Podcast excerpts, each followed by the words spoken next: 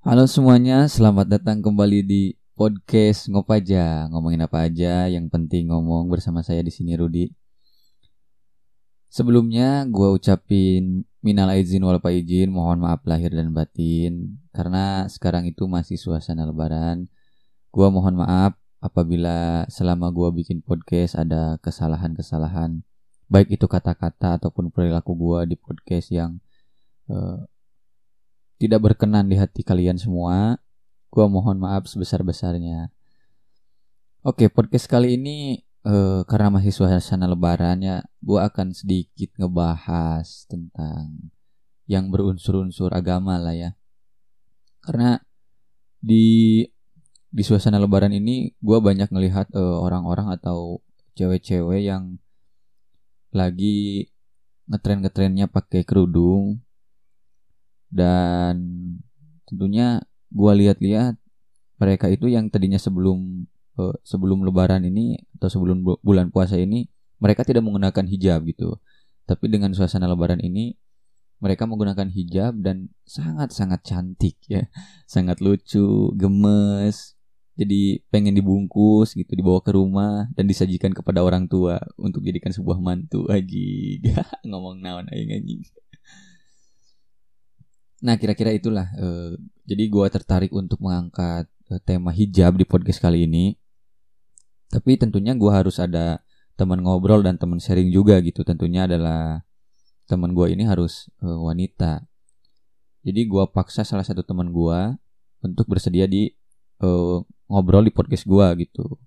Dan kebetulan sekarang masih social distancing, jadi podcast kali ini tuh masih dengan menggunakan uh, telepon seluler atau ngobrolnya secara online gitu. Next time sih kalau PSBB ini udah kelar, corona ini udah kelar, mungkin gue akan meet up ya, akan bertemu secara langsung gitu. Oke, langsung aja kita hubungi orangnya uh, untuk ngobrol-ngobrol tentang hijab.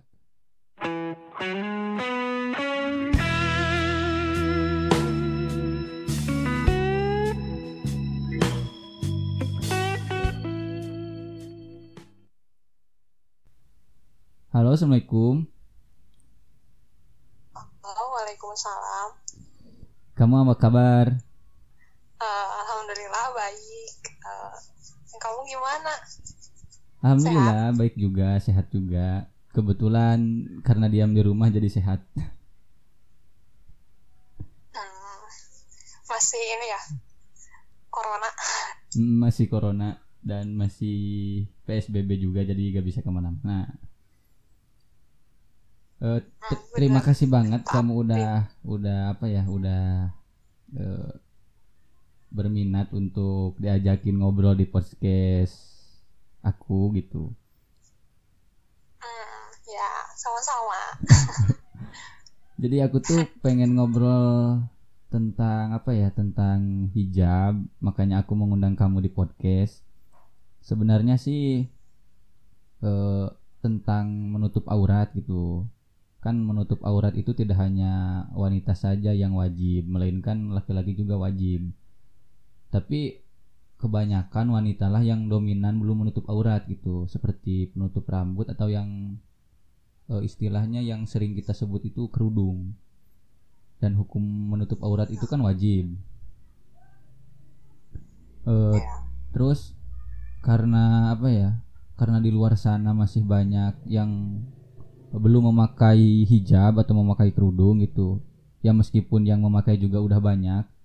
Tapi aku penasaran uh, gimana sih uh, seorang wanita untuk memutuskan untuk berhijab gitu ta. Jadi aku pengen tahu kamu pertama kali memutuskan untuk tetap mengenakan kerudung itu atau hijab itu uh, kapan gitu? Dan kenapa sampai bisa fix untuk mengenakan hijab uh, oke okay.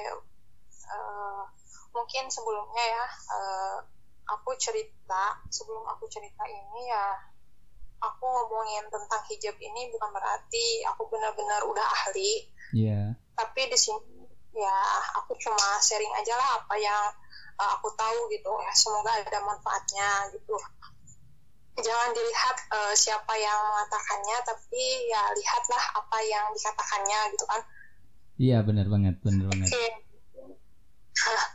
Uh, aku uh, sharing pengalamanku sendiri ya tentang hijab ini atau yang lebih fokusnya kita itu ngomongin tentang kerudung lah. Hmm. uh, jadi uh, dari dulu tuh uh, aku uh, pakai kerudung tuh awal tuh masuk SMP awalnya tuh. Tapi ya gitulah cuma di sekolah aja gitu kan. Kalau keluar rumah ya masih kadang-kadang lah gitu e, maklum karena emang dulu tuh e, aku disuruh orang tua buat pakai hijab tuh gitu buat pakai kerudung tuh gitu. Dan dulu tuh e, aku anaknya tuh bisa dibilang sedikit e, agak tomboy lah gitu. Pakai baju cowok atau celana levis cowok lah gitu. Uh, dan aku nggak suka pakai rok gitu.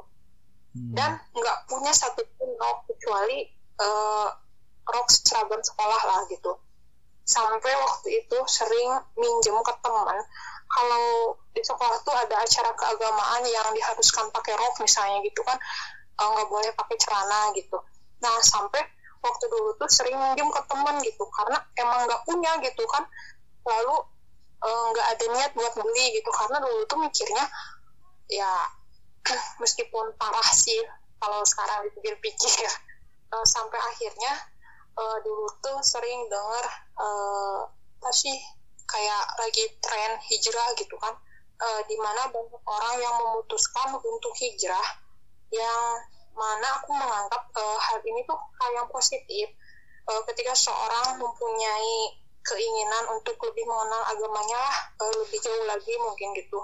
Yeah, tapi yeah.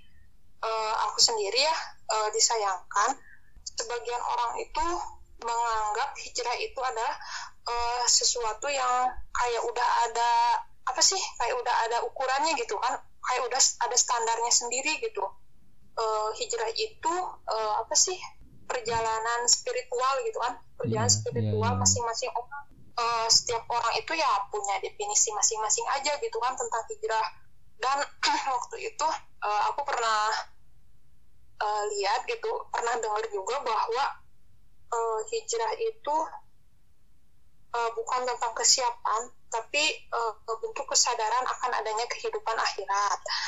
Ya dari situ merasa apa sih tersentuh gitu dengan uh, perkataan itu. Dan aku setuju gitu dengan perkataan ini gitu. Ah ngomong-ngomong uh, menurut kamu uh, hijrah itu apa sih gitu kan? Pengen tahu lah sharing aja gitu di sini kalau menurut aku tentang tentang hijrah gitu sebenarnya sih kalau tahu alasan kamu pertama kali uh, memutuskan untuk berhijab karena emang lagi waktu itu emang lagi tren hijrah gitu. Kalau menurut aku hijrah itu uh, pendapat aku aja gitu, sepengetahuan aku tentang hijrah. Hijrah itu emang benar kata kamu tidak ada patokannya seberapa tidak ada ukurannya seberapa kamu ingin berhijrah gitu. Dan yang penting kan dari pengertian hijrah itu seperti kata kamu tadi uh, apa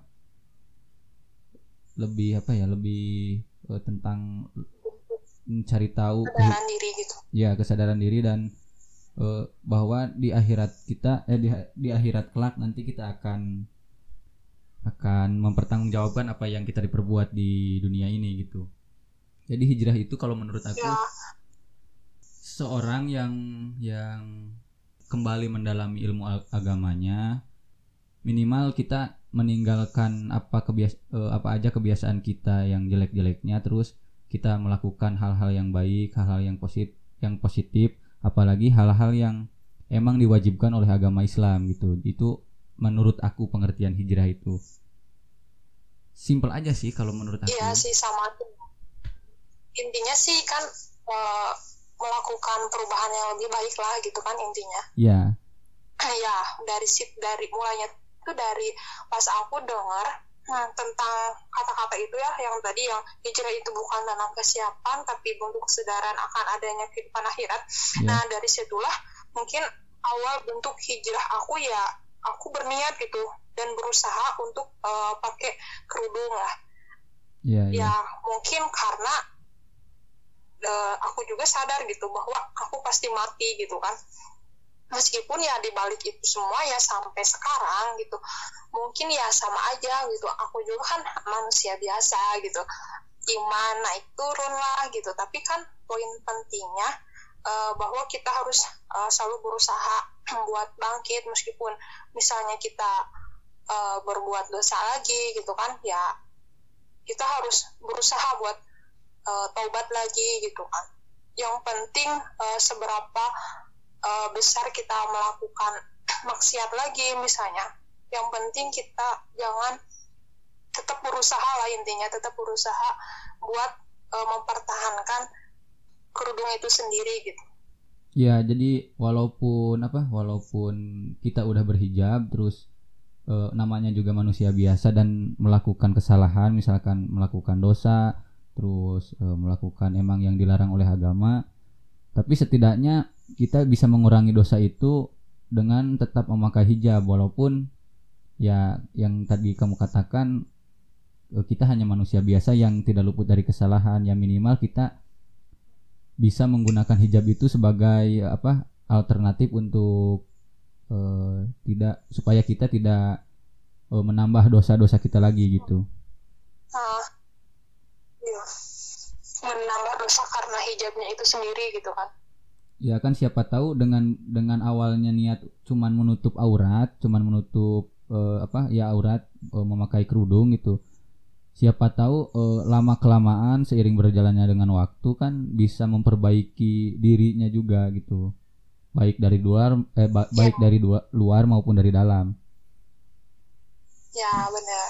Ya mungkin itulah uh, pengalaman aku sampai aku kenapa insya Allah sampai sekarang uh, aku pakai kerudung gitu kan ya meskipun ya terlepas dari apa-apa keburukan yang masih ada pada diri aku sendiri gitu kan ya yeah. yang penting ya intinya pengalaman aku aku sendiri uh, aku tetap uh, buat berusaha buat mempertahanin uh, kerudung ini gitu kan ya kan berawalnya itu selain dari orang tua kamu lagi apa dengerin istilah hijrah dan dari hijrah itu ada kata-kata yang menyentuh hati kamu dan kamu memutuskan untuk berhijab. Nah, tapi kan sekarang-sekarang ini lagi apa ya? lagi booming-boomingnya atau lagi tren-trennya uh, orang-orang atau wanita-wanita di luar gitu yang berhijab karena tren yang mungkin ada juga yang dipaksa oleh orang tua gitu seperti kamu terus oleh misalkan oleh pacarnya oleh pasangannya uh, atau karena ada juga teman aku yang gak pede gitu gak pede uh, sama penampilan yang uh, misalkan rambutnya jelek jadi dia memutuskan untuk memakai kerudung tapi kan niat uh, memakai kerudungnya itu bukan uh, dia itu bener-bener gak ngerti gitu apa arti kerudung itu. Nah, menurut kamu orang-orang seperti itu atau ya orang-orang yang memutuskan untuk berhijab tapi hanya karena tren atau hanya karena dipaksa oleh orang tua atau hanya karena gak pede terhadap penampilannya, menurut kamu itu bagaimana? Oh, uh, oke. Okay. Uh, sering dengar juga sih aku kayak gitu dan mungkin ya sekeliling aku juga teman-teman aku lah uh, sering hmm. kayak gitu katanya apa sih uh, aku dipaksa loh misalnya kan uh, pakai kerudung uh, sama pacar aku disuruh pakai kerudung nih atau uh, sama teman-teman dekatnya lah kayak gimana gitu kan. Menurut aku sih menanggapinya ya itu bagus sih gitu. Nggak apa-apa kalau misalnya uh, pertamanya tuh karena emang rasa kepaksa gitu kan. Uh, menurut aku sih kalau emang sesuatu yang belum muncul karena keinginan kita keinginan kita sendiri itu kan biasanya susah gitu emang harus ada yang nyuruh dulu gitu. Hmm, iya, bahkan bener, bener. harus dipaksa dulu gitu kan. Karena bisa aja kan uh, mungkin itu salah satu jalan agar kita itu sadar gitu kan. Dulu juga kan uh, aku pakai hijab disuruh dulu. Nah kan lama-lama merasa bisa gitu kan jadi terbiasa juga gitu. Ya malahan aku sendirilah pengalaman aku sendiri uh, aku bersyukur gitu karena kalau mungkin dulu aku nggak disuruh sama orang tua uh, aku nggak tahu gitu kapan aku mau pakai hijab gitu kan. Iya iya bener-bener banget. Jadi faktor lingkungan uh, yang bener-bener utama itu emang keluarga sih. Kalau keluarganya emang bener-bener ngerti terhadap agama pengalaman aku juga waktu dulu malahan sampai sekarang aku juga masih dipaksa-paksa untuk uh, tetap ngaji tetap walaupun ya pas ya namanya juga manusia biasa kan kalau udah waktunya sholat tapi masih leha-leha masih tiduran itu orang tua aku itu masih apa ya masih memarahi aku kayak anak kecil yang disuruh belajar sholat gitu. Jadi emang faktor orang tua sih emang benar-benar penting kalau menurut aku ya. Iya jadi uh, emang kalau misalnya ada orang yang merasa dipaksa apa sih ngerasa disuruh gitu dipaksa misalnya oh, buat pakai kerudung ya itu bersyukur loh ternyata kan masih ada orang-orang yang pengen ngelihat dia tuh uh, lebih baik gitu kan setidaknya. Iya. Terus uh, kalau kalau apa ya yang namanya uh, misalkan karena tren atau karena disuruh minimal dia memakainya dengan terpaksa pun dia kan udah mengurangi dosanya sendiri gitu walaupun cuma beberapa ya. hari kan ya benar kan uh, meskipun ya misalnya ya awalnya kan misalnya nggak pede nih sama rambut gitu kan cewek biasanya kayak gitu ya ya. tapi ya uh, emang benar uh, biasanya kayak gitu sering dengar juga gitu kan ya tapi kan kalau menurut aku gitu uh, apa pun alasan dibalik itu gitu kan tapi setidaknya kita tuh berusaha sedang menjalankan kewajiban uh, kita sebagai perempuan untuk uh, menutup auratnya gitu. Iya. Yeah. Jadi nggak apa-apa sih gitu mau itu karena dipaksa atau karena apa pun lah alasannya gitu kan. Tapi lambat laun juga nanti mungkin uh, kita sendiri bisa apa sih bisa menemukan arti penting uh, hijab itu buat kita sendirilah seiring berjalannya waktu gitu. Karena mungkin uh, kalau kita misalnya nunggu nih nunggu ah apa sih aku mau nunggu kesadaran diri aku sendiri misalnya gitu. Uh, mau sampai kapan? gitu kan. Kita nggak nggak ada yang tahu lah gitu kan ajal kita itu kapan gitu kan. Jadi ya setidaknya kita itu berusaha buat uh, menjemput hidayah itu. Nggak nggak nggak cuma nunggu gitu. Kan masih banyak juga sepengetahuan aku ya dan karena emang aku juga punya banyak temen e, cewek gitu yang kebanyakan yang berhijab itu tapi dia tetap masih tidak melaksanakan sholat tidak melaksanakan kebaikan dan perilakunya juga mungkin bi bisa dibilang jauh dari kata e, yang selayaknya wanita. Misalkan e, ngomongnya masih kasar terus sopan santunnya juga masih jelek, uh, ahlaknya juga masih jelek tapi ada juga orang-orang atau wanita-wanita yang belum berhijab gitu. Tapi ibadahnya itu lancar uh, terus dia juga men menyebarkan kebaikan-kebaikan seperti misalkan ahlaknya juga baik sopan santunnya baik bersosialnya juga baik. Nah menurut kamu itu orang yang berhijab tapi tidak melaksanakan ibadah dan yang belum berhijab tapi melaksanakan ibadah dengan lancar itu menurut kamu itu gimana pandangan kamu? Oke sih sering dengar juga sih kayak yang dibanding-bandingin gitu loh. Iya banyak oh, kayak banyak orang yang ngebanding-bandingin uh, antara yang belum berhijab dan yang sudah berhijab gitu. Karena yang mungkin uh, berhijab tapi nggak sholat gitu kan misalnya terus yang belum hijab hijab tapi dia tuh rajin sholat misalnya kan gitu yeah. sebenarnya sih um, aku gitu ya uh, di antara dua pilihan itu nggak ada yang bisa dijawab gitu kan misalnya kalau ditanya mana yang lebih baik gitu kan ya nggak bisa dijawab karena kan e, pastilah yang baik itu kan yang pasti berhijab dan rajin sholatnya juga gitu.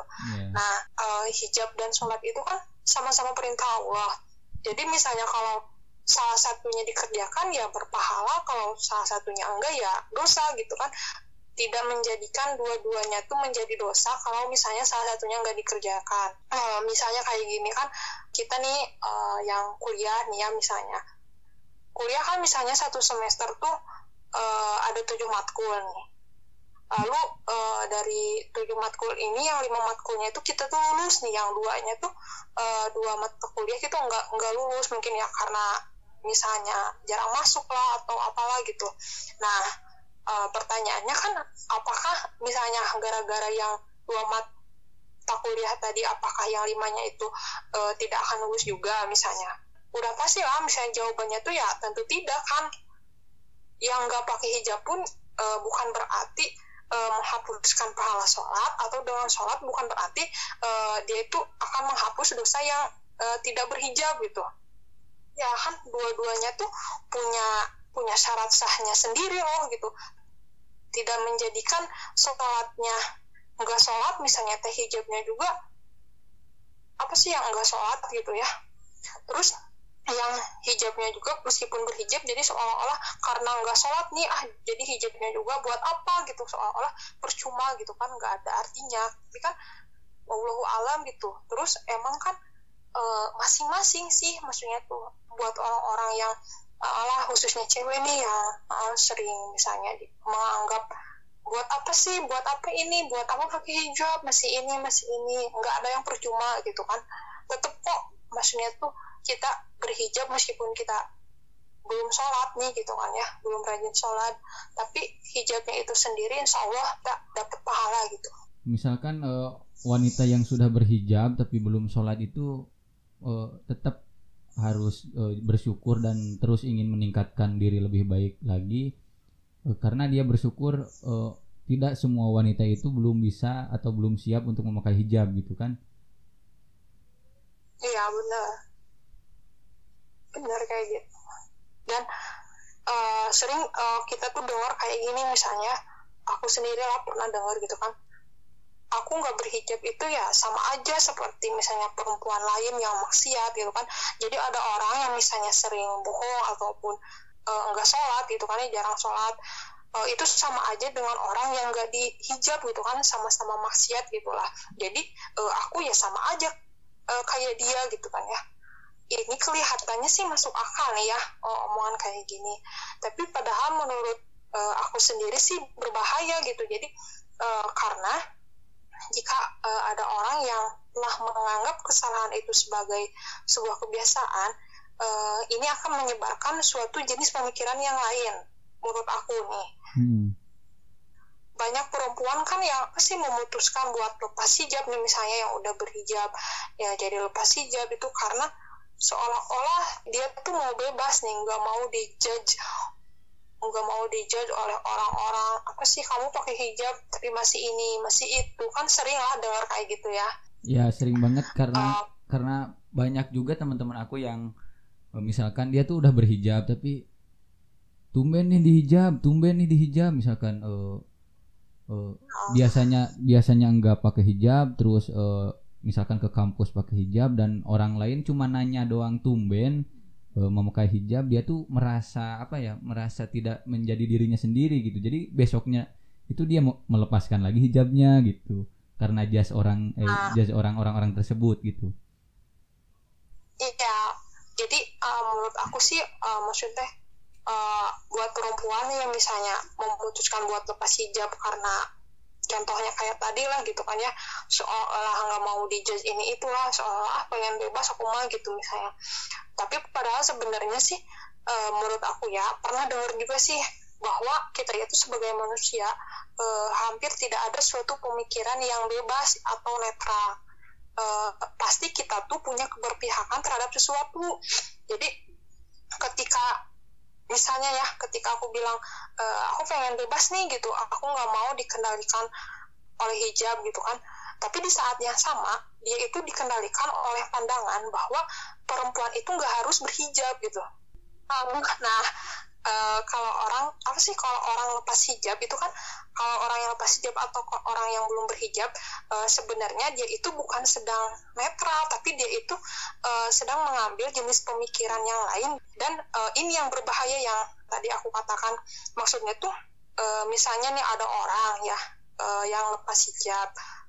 Nah, dia itu biasanya akan menyebarkan ide-ide baru mereka, contohnya ya tentang pembenaran tentang pembenaran nggak pakai kerudung lah gitu biasanya gitu um, menyebarkanlah ke teman-teman dekatnya gitu kan aku Ya. juga pernah pernah dengar misalkan eh, ada orang-orang yang bilang gak apa-apa lah gak usah pakai kerudung juga yang penting kelakuan kita baik lah gitu atau ibadah kita baik lah Nah, itu yang menurut aku sih yang berbahaya itu itu. Jadi di saat kita lepas hijab itu dia itu bukan sedang netral tapi dia tuh mengambil jenis pemikiran yang lain dan menyebarkan gitu kan biasanya kayak gitu.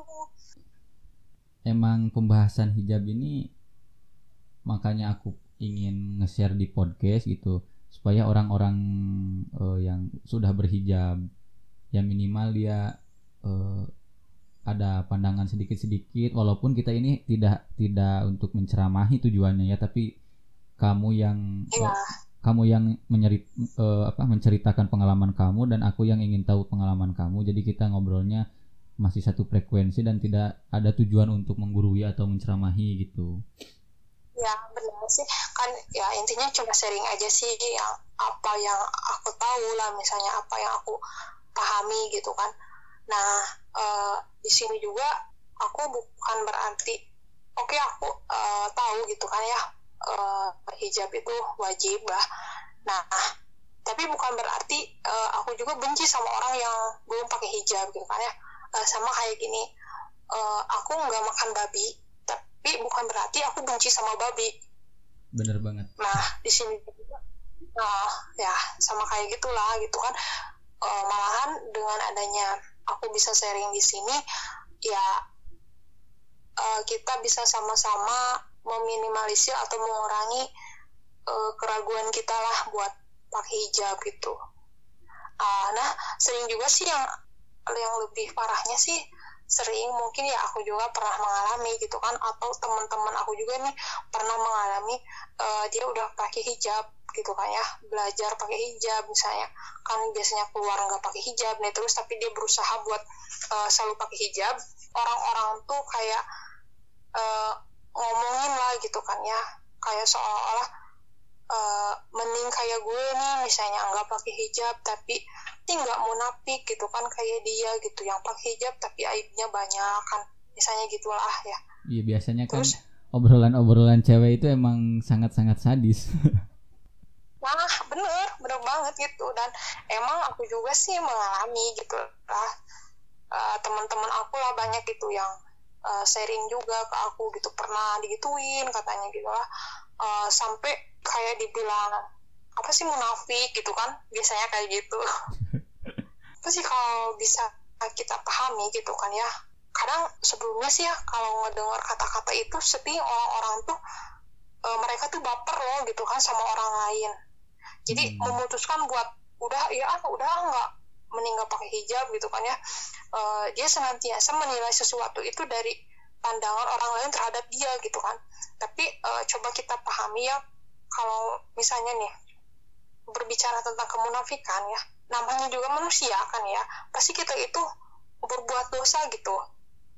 Nggak Iya. ada manusia yang nggak sama sekali berbuat dosa nggak berbuat dosa gitu. Ya hijab itu sih kan kewajiban gitu kan.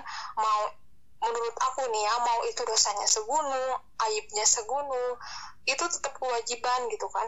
Jadi menurut aku sih nggak ada istilahnya wanita hijab itu munafik. Eh, cuman dia itu ya sedang berusaha buat menjalankan salah satu kewajibannya yaitu ya pakai hijab tadi ya pakai kerudung gitu. Mungkin kalau misalnya eh, dia punya dosa eh, tentang hal lain lah atau tentang kasus kasus lain gitu. Eh, setidaknya dia itu nggak numpuk dosa gitu kan dengan cara nggak pakai hijab. Jadi kita sebagai perempuan jangan pernah jadikan eh, aib buruk kita itu sebagai alasan untuk nggak mau pakai hijab gitu kan. Masalah aib atau akhlak yang buruk lah kita itu eh, bisa diperbaiki lah kan eh, lambat laun gitu.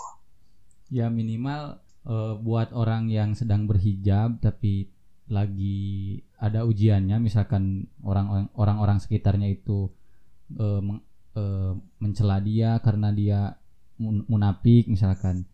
Tapi setidaknya eh, orang tersebut lagi berusaha eh, untuk berhijab untuk menjalankan suatu kewajibannya yang mungkin eh, akhlak ahlaknya atau uh, perilaku lainnya yang belum bisa dia perbaiki tapi dia uh, lagi bisa lagi berusaha memperbaiki dari segi hijabnya gitu kan?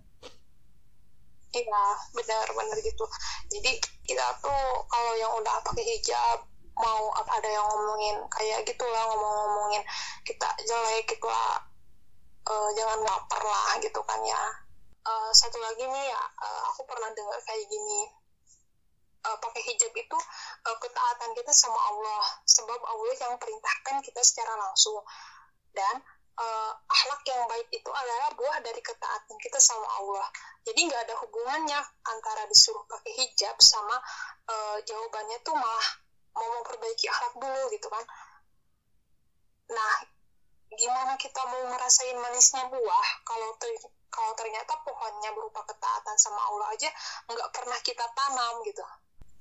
Uh, sekarang sih lebih lebih apa? Lebih bisa misalkan kalau misalkan nanti aku oh, ada yang nanya atau uh, ada yang sharing ke aku tentang pengalamannya uh, pakai hijab mungkin aku bisa menjawab atau bisa sharing apa yang kamu katakan pengalaman kamu kan.